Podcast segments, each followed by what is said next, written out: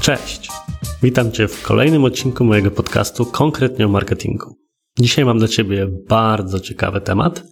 Temat, o który jestem pytany bardzo często i temat, który wypływa wręcz naturalnie na każdym szkoleniu, na każdych konsultacjach lub przy audycie bądź rozmowach z klientami. Jest to temat związany z pisaniem tekstów. Zaczynajmy.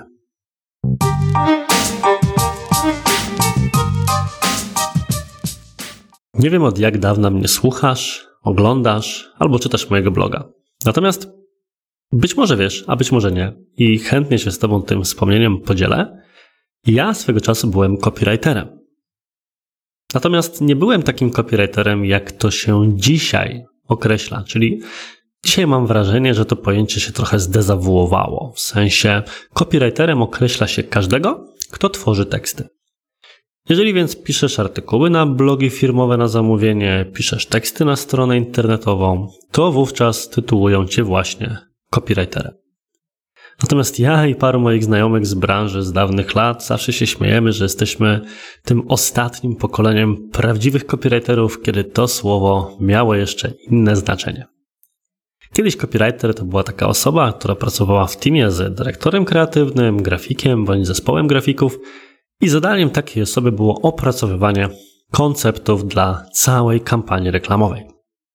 I początki mojej kariery w branży reklamowej to było właśnie takie stanowisko. Na początku juniorskie, a później spięcie się po szczeblach agencyjnej drabiny, żeby właśnie takim prawdziwym copywriterem i klepaczem konceptów zostać. Nie zmienia to jednak faktu, że copywriting jest właśnie robieniem w słowie. I ja szlifuję teksty i swój warsztat pisania od lat na blogu i w zawodowej karierze. Napisałem nawet na ten temat książkę, którą być może posiadasz. Jeżeli nie, to bardzo Ci ją polecam. Książka nazywa się Jak pisać, żeby chcieli czytać i kupować. Wyszła już chyba 3 lata temu, a to, z czego jestem szczególnie dumny, to że mniej więcej od półtora roku utrzymuje się na liście bestsellerów Empiku jako numer jeden w swojej kategorii. I zawsze mnie to bawi, że zależnie od tego, którego dnia zerknę, to na przykład w zeszłym roku byłem e, przez jakiś czas drugi za panem Kotlerem, a w tym roku od kilku miesięcy go wyprzedzam. Wiesz, nasz trochę tak nawet głupio. Natomiast nie jest moim celem w tym odcinku, żeby się chwalić czy opowiadać Ci o tych rzeczach. Raczej mówię o tym dlatego, że być może jeżeli słuchasz bądź po prostu śledzisz mnie od niedawna, to nie wiesz, że zajmuję się również w firmie takimi tematami i tak wyglądała moja kariera zawodowa, więc taki nagły przeskok na temat związany z copywritingiem mógłby być dla Ciebie dziwny. Tymczasem mam, że tak powiem, kompetencje i myślę, że jakieś takie prawo, żeby w tych tematach się również wypowiadać. Przechodząc więc powoli do rzeczy, dlaczego w ogóle postanowiłem poruszyć taki temat, a nie inny? Cóż, nauka pisania jest naprawdę trudna. Teoretycznie każdemu wydaje się, że pisać umie, ponieważ, no hej, był w szkole, prawda? I w szkole takimi rzeczami się zajmował. I to szkoła miała za zadanie szlifować nasz warsztat. Natomiast niestety, czy szkoła, czy studia, tak się składa, że jestem polonistą z wykształcenia, więc mówię z doświadczenia, wyrabia w nas raczej pewne nawyki takiego wysokiego stylu, który nie jest adekwatny, kiedy później mamy za zadanie używać tego typu języka w biznesie. Poza tym nasz język, czy taki język obecny w przestrzeni publicznej jest maksymalnie sformalizowany, więc kiedy patrzymy, żeby czerpać inspirację na to, co robią inni, to no niewiele możemy się nauczyć. Tak samo jak będziemy próbowali obserwować świat wokół nas. Ja się na przykład zawsze śmieję, ilekroć wjeżdżam na autostradę i tam są takie fajne napisy na znakach pobór biletu, a jak się wyjeżdża, pobór opłat. to strasznie nawet brzmi.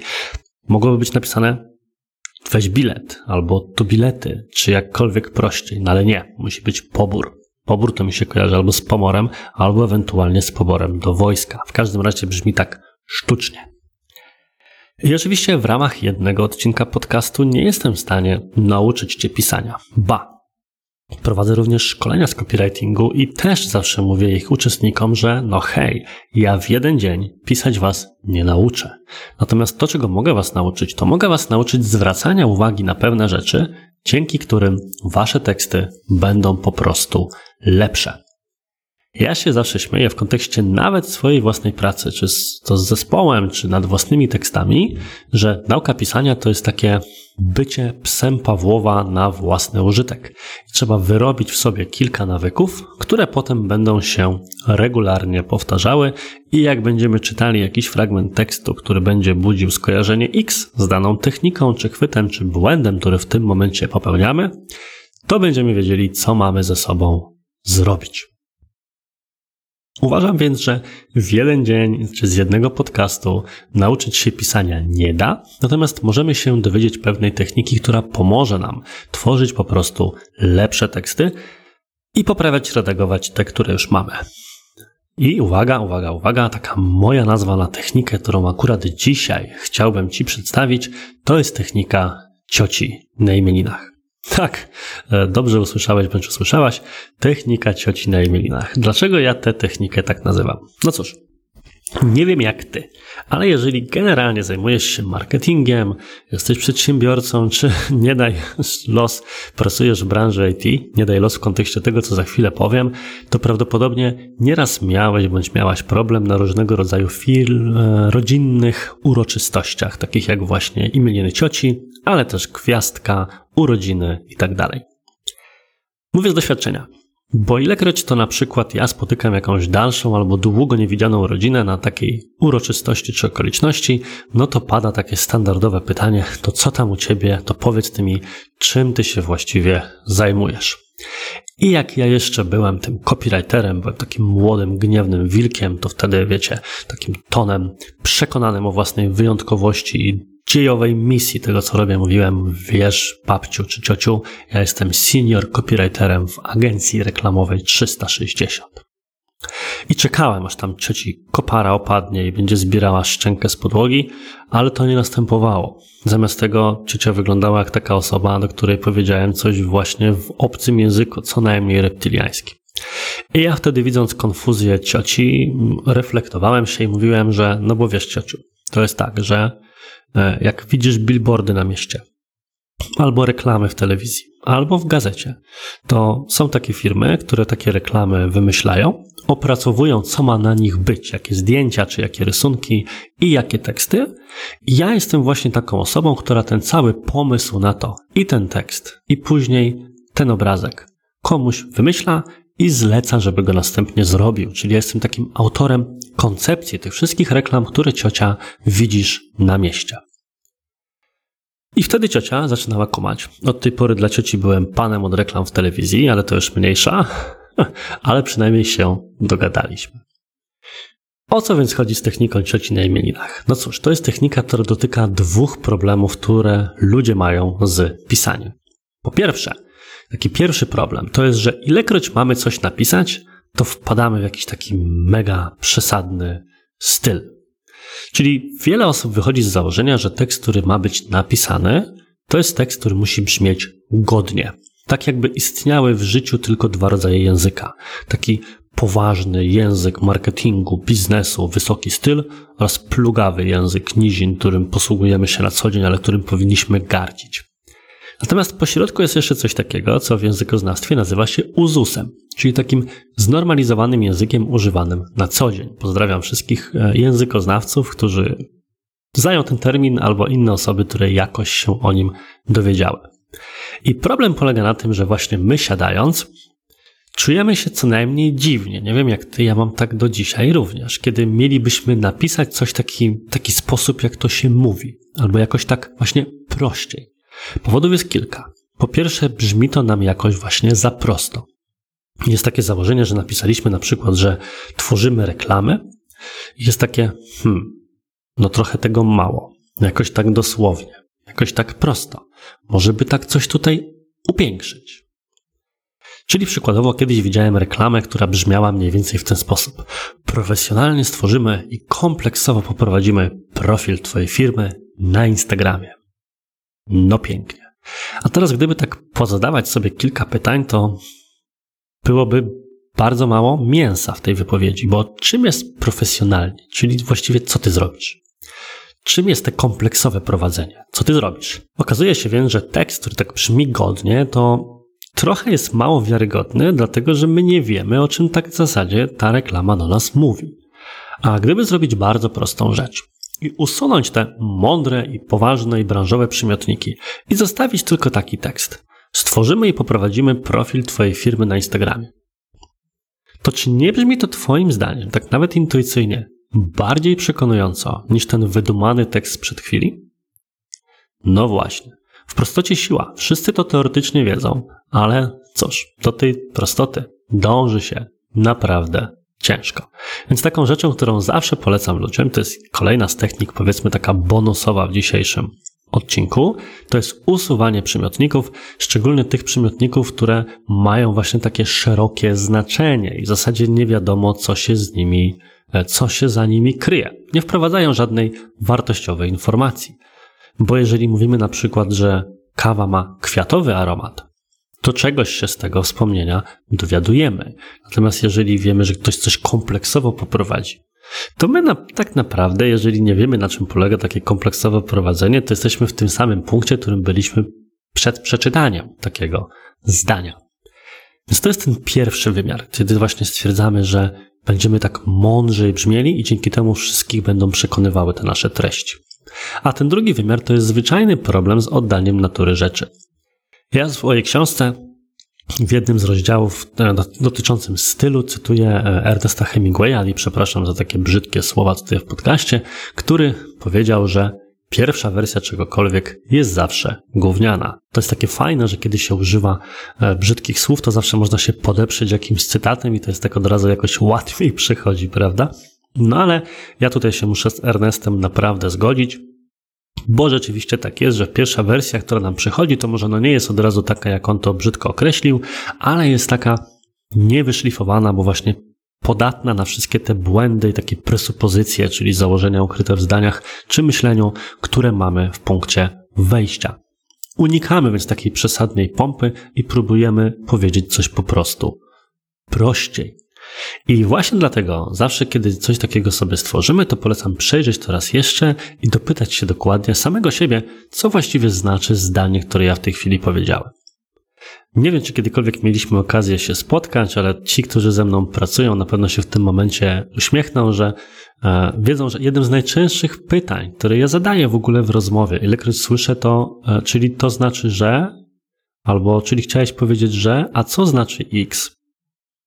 I to jest mój standardowy sposób myślenia, ponieważ zazwyczaj jest tak, że w pierwszym momencie mówimy o czymś bardziej ogólnie jeszcze jakoś tak właśnie mądrzejszymi wyrazami, a dopiero dopytani szukamy innego sposobu i zaczynamy mówić o tym konkretniej i prościej.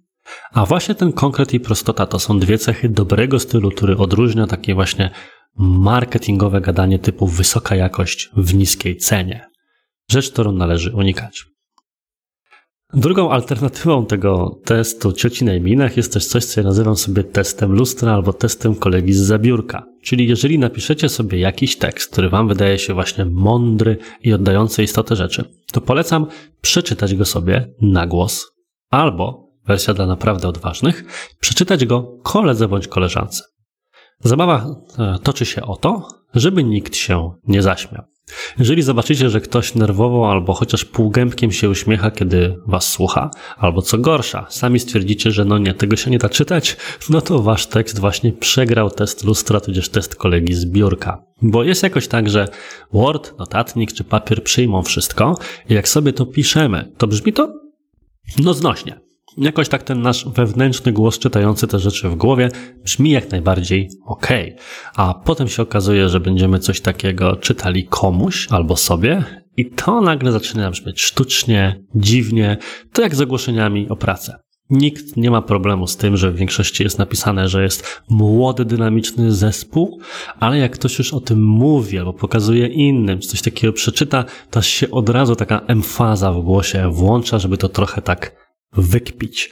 Więc jest to technika czy rada, którą można również zastosować, żeby w tym momencie swoje teksty poprawić. Pamiętajcie więc o mojej cioci. Ja ciocię w tej chwili pozdrawiam, może będzie tego kiedyś słuchała. I pamiętajcie o technice cioci na imieninach, nazwaną właśnie na cześć mojej cioci żeby za każdym razem, kiedy coś napiszecie, zadać sobie samemu pytanie, czyli co to właściwie znaczy, co ja w tej chwili powiedziałem, jak to powiedzieć prościej. Wtedy usuniecie wszystkie słowa, które brzmią przesadnie mądrze oraz zaczniecie od razu wyliczać jakieś szczegóły, konkrety i po prostu upraszczać swój styl. Wiem też, że wiele osób zazwyczaj się boi, że jeżeli pewne rzeczy ujmie zbyt prosto, to specjaliści, do których przecież też kieruje swoje treści, się obrażą. Natomiast jest dokładnie na odwrót. Jeżeli ktoś jest specjalistą i czyta specjalistyczny tekst, to go zrozumie. Natomiast jeżeli ktoś nie jest specjalistą i czyta specjalistyczny tekst, to on go odrzuci, ponieważ nie zrozumie rzeczy, które chcielibyśmy, żeby zrozumiał. Z kolei natomiast, jeżeli napiszemy tekst prosty, to on pomoże osobie bez specjalistycznej wiedzy nas zrozumieć i taka osoba prędzej się do nas zgłosi, bo będzie wiedziała, o czym my właściwie mówimy. Natomiast specjalista, jeżeli zobaczy pewne uproszczenia, uogólnienia, czy po prostu rzeczy nienazwane wprost jakimś fachowym terminem, to on i tak będzie wiedział, o jaki termin nam tam chodzi.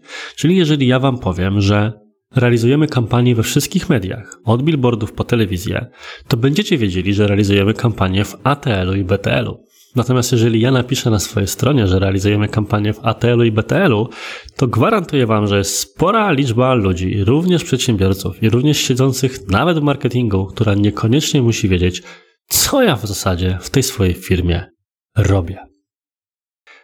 I to tyle na dziś. Mam nadzieję, że ten odcinek Ci się podobał. Daj znać proszę w komentarzu czy mailowo, czy interesuje Cię więcej treści właśnie o pisaniu tekstów. jeżeli są jakieś konkretne rzeczy czy zagadnienia, które chciałbyś albo chciałabyś, żebym poruszył, to też mi koniecznie daj znać, bo być może będzie to wówczas dla mnie pomysł na całą serię podcastów, artykułów lub innych treści dotyczących copywritingu właśnie. I co? Jeżeli ten odcinek Ci się spodobał, udostępnij go proszę w swoich mediach społecznościowych, żeby więcej osób dowiedziało się o mojej cioci i technice z nią związanej. I oczywiście, jeżeli masz ochotę dowiadywać się jako jedna z pierwszych osób o wszystkich nowych odcinkach, to subskrybuj mój podcast w aplikacji, w której w tej chwili go słuchasz. Może to być Spotify, może to być iTunes. Jestem generalnie wszędzie tam, gdzie dobry podcast być powinien. Bardzo Ci dziękuję za wysłuchanie. Życzę Ci miłego dnia, cokolwiek tam Cię dzisiaj czeka i do usłyszenia w następnym tygodniu.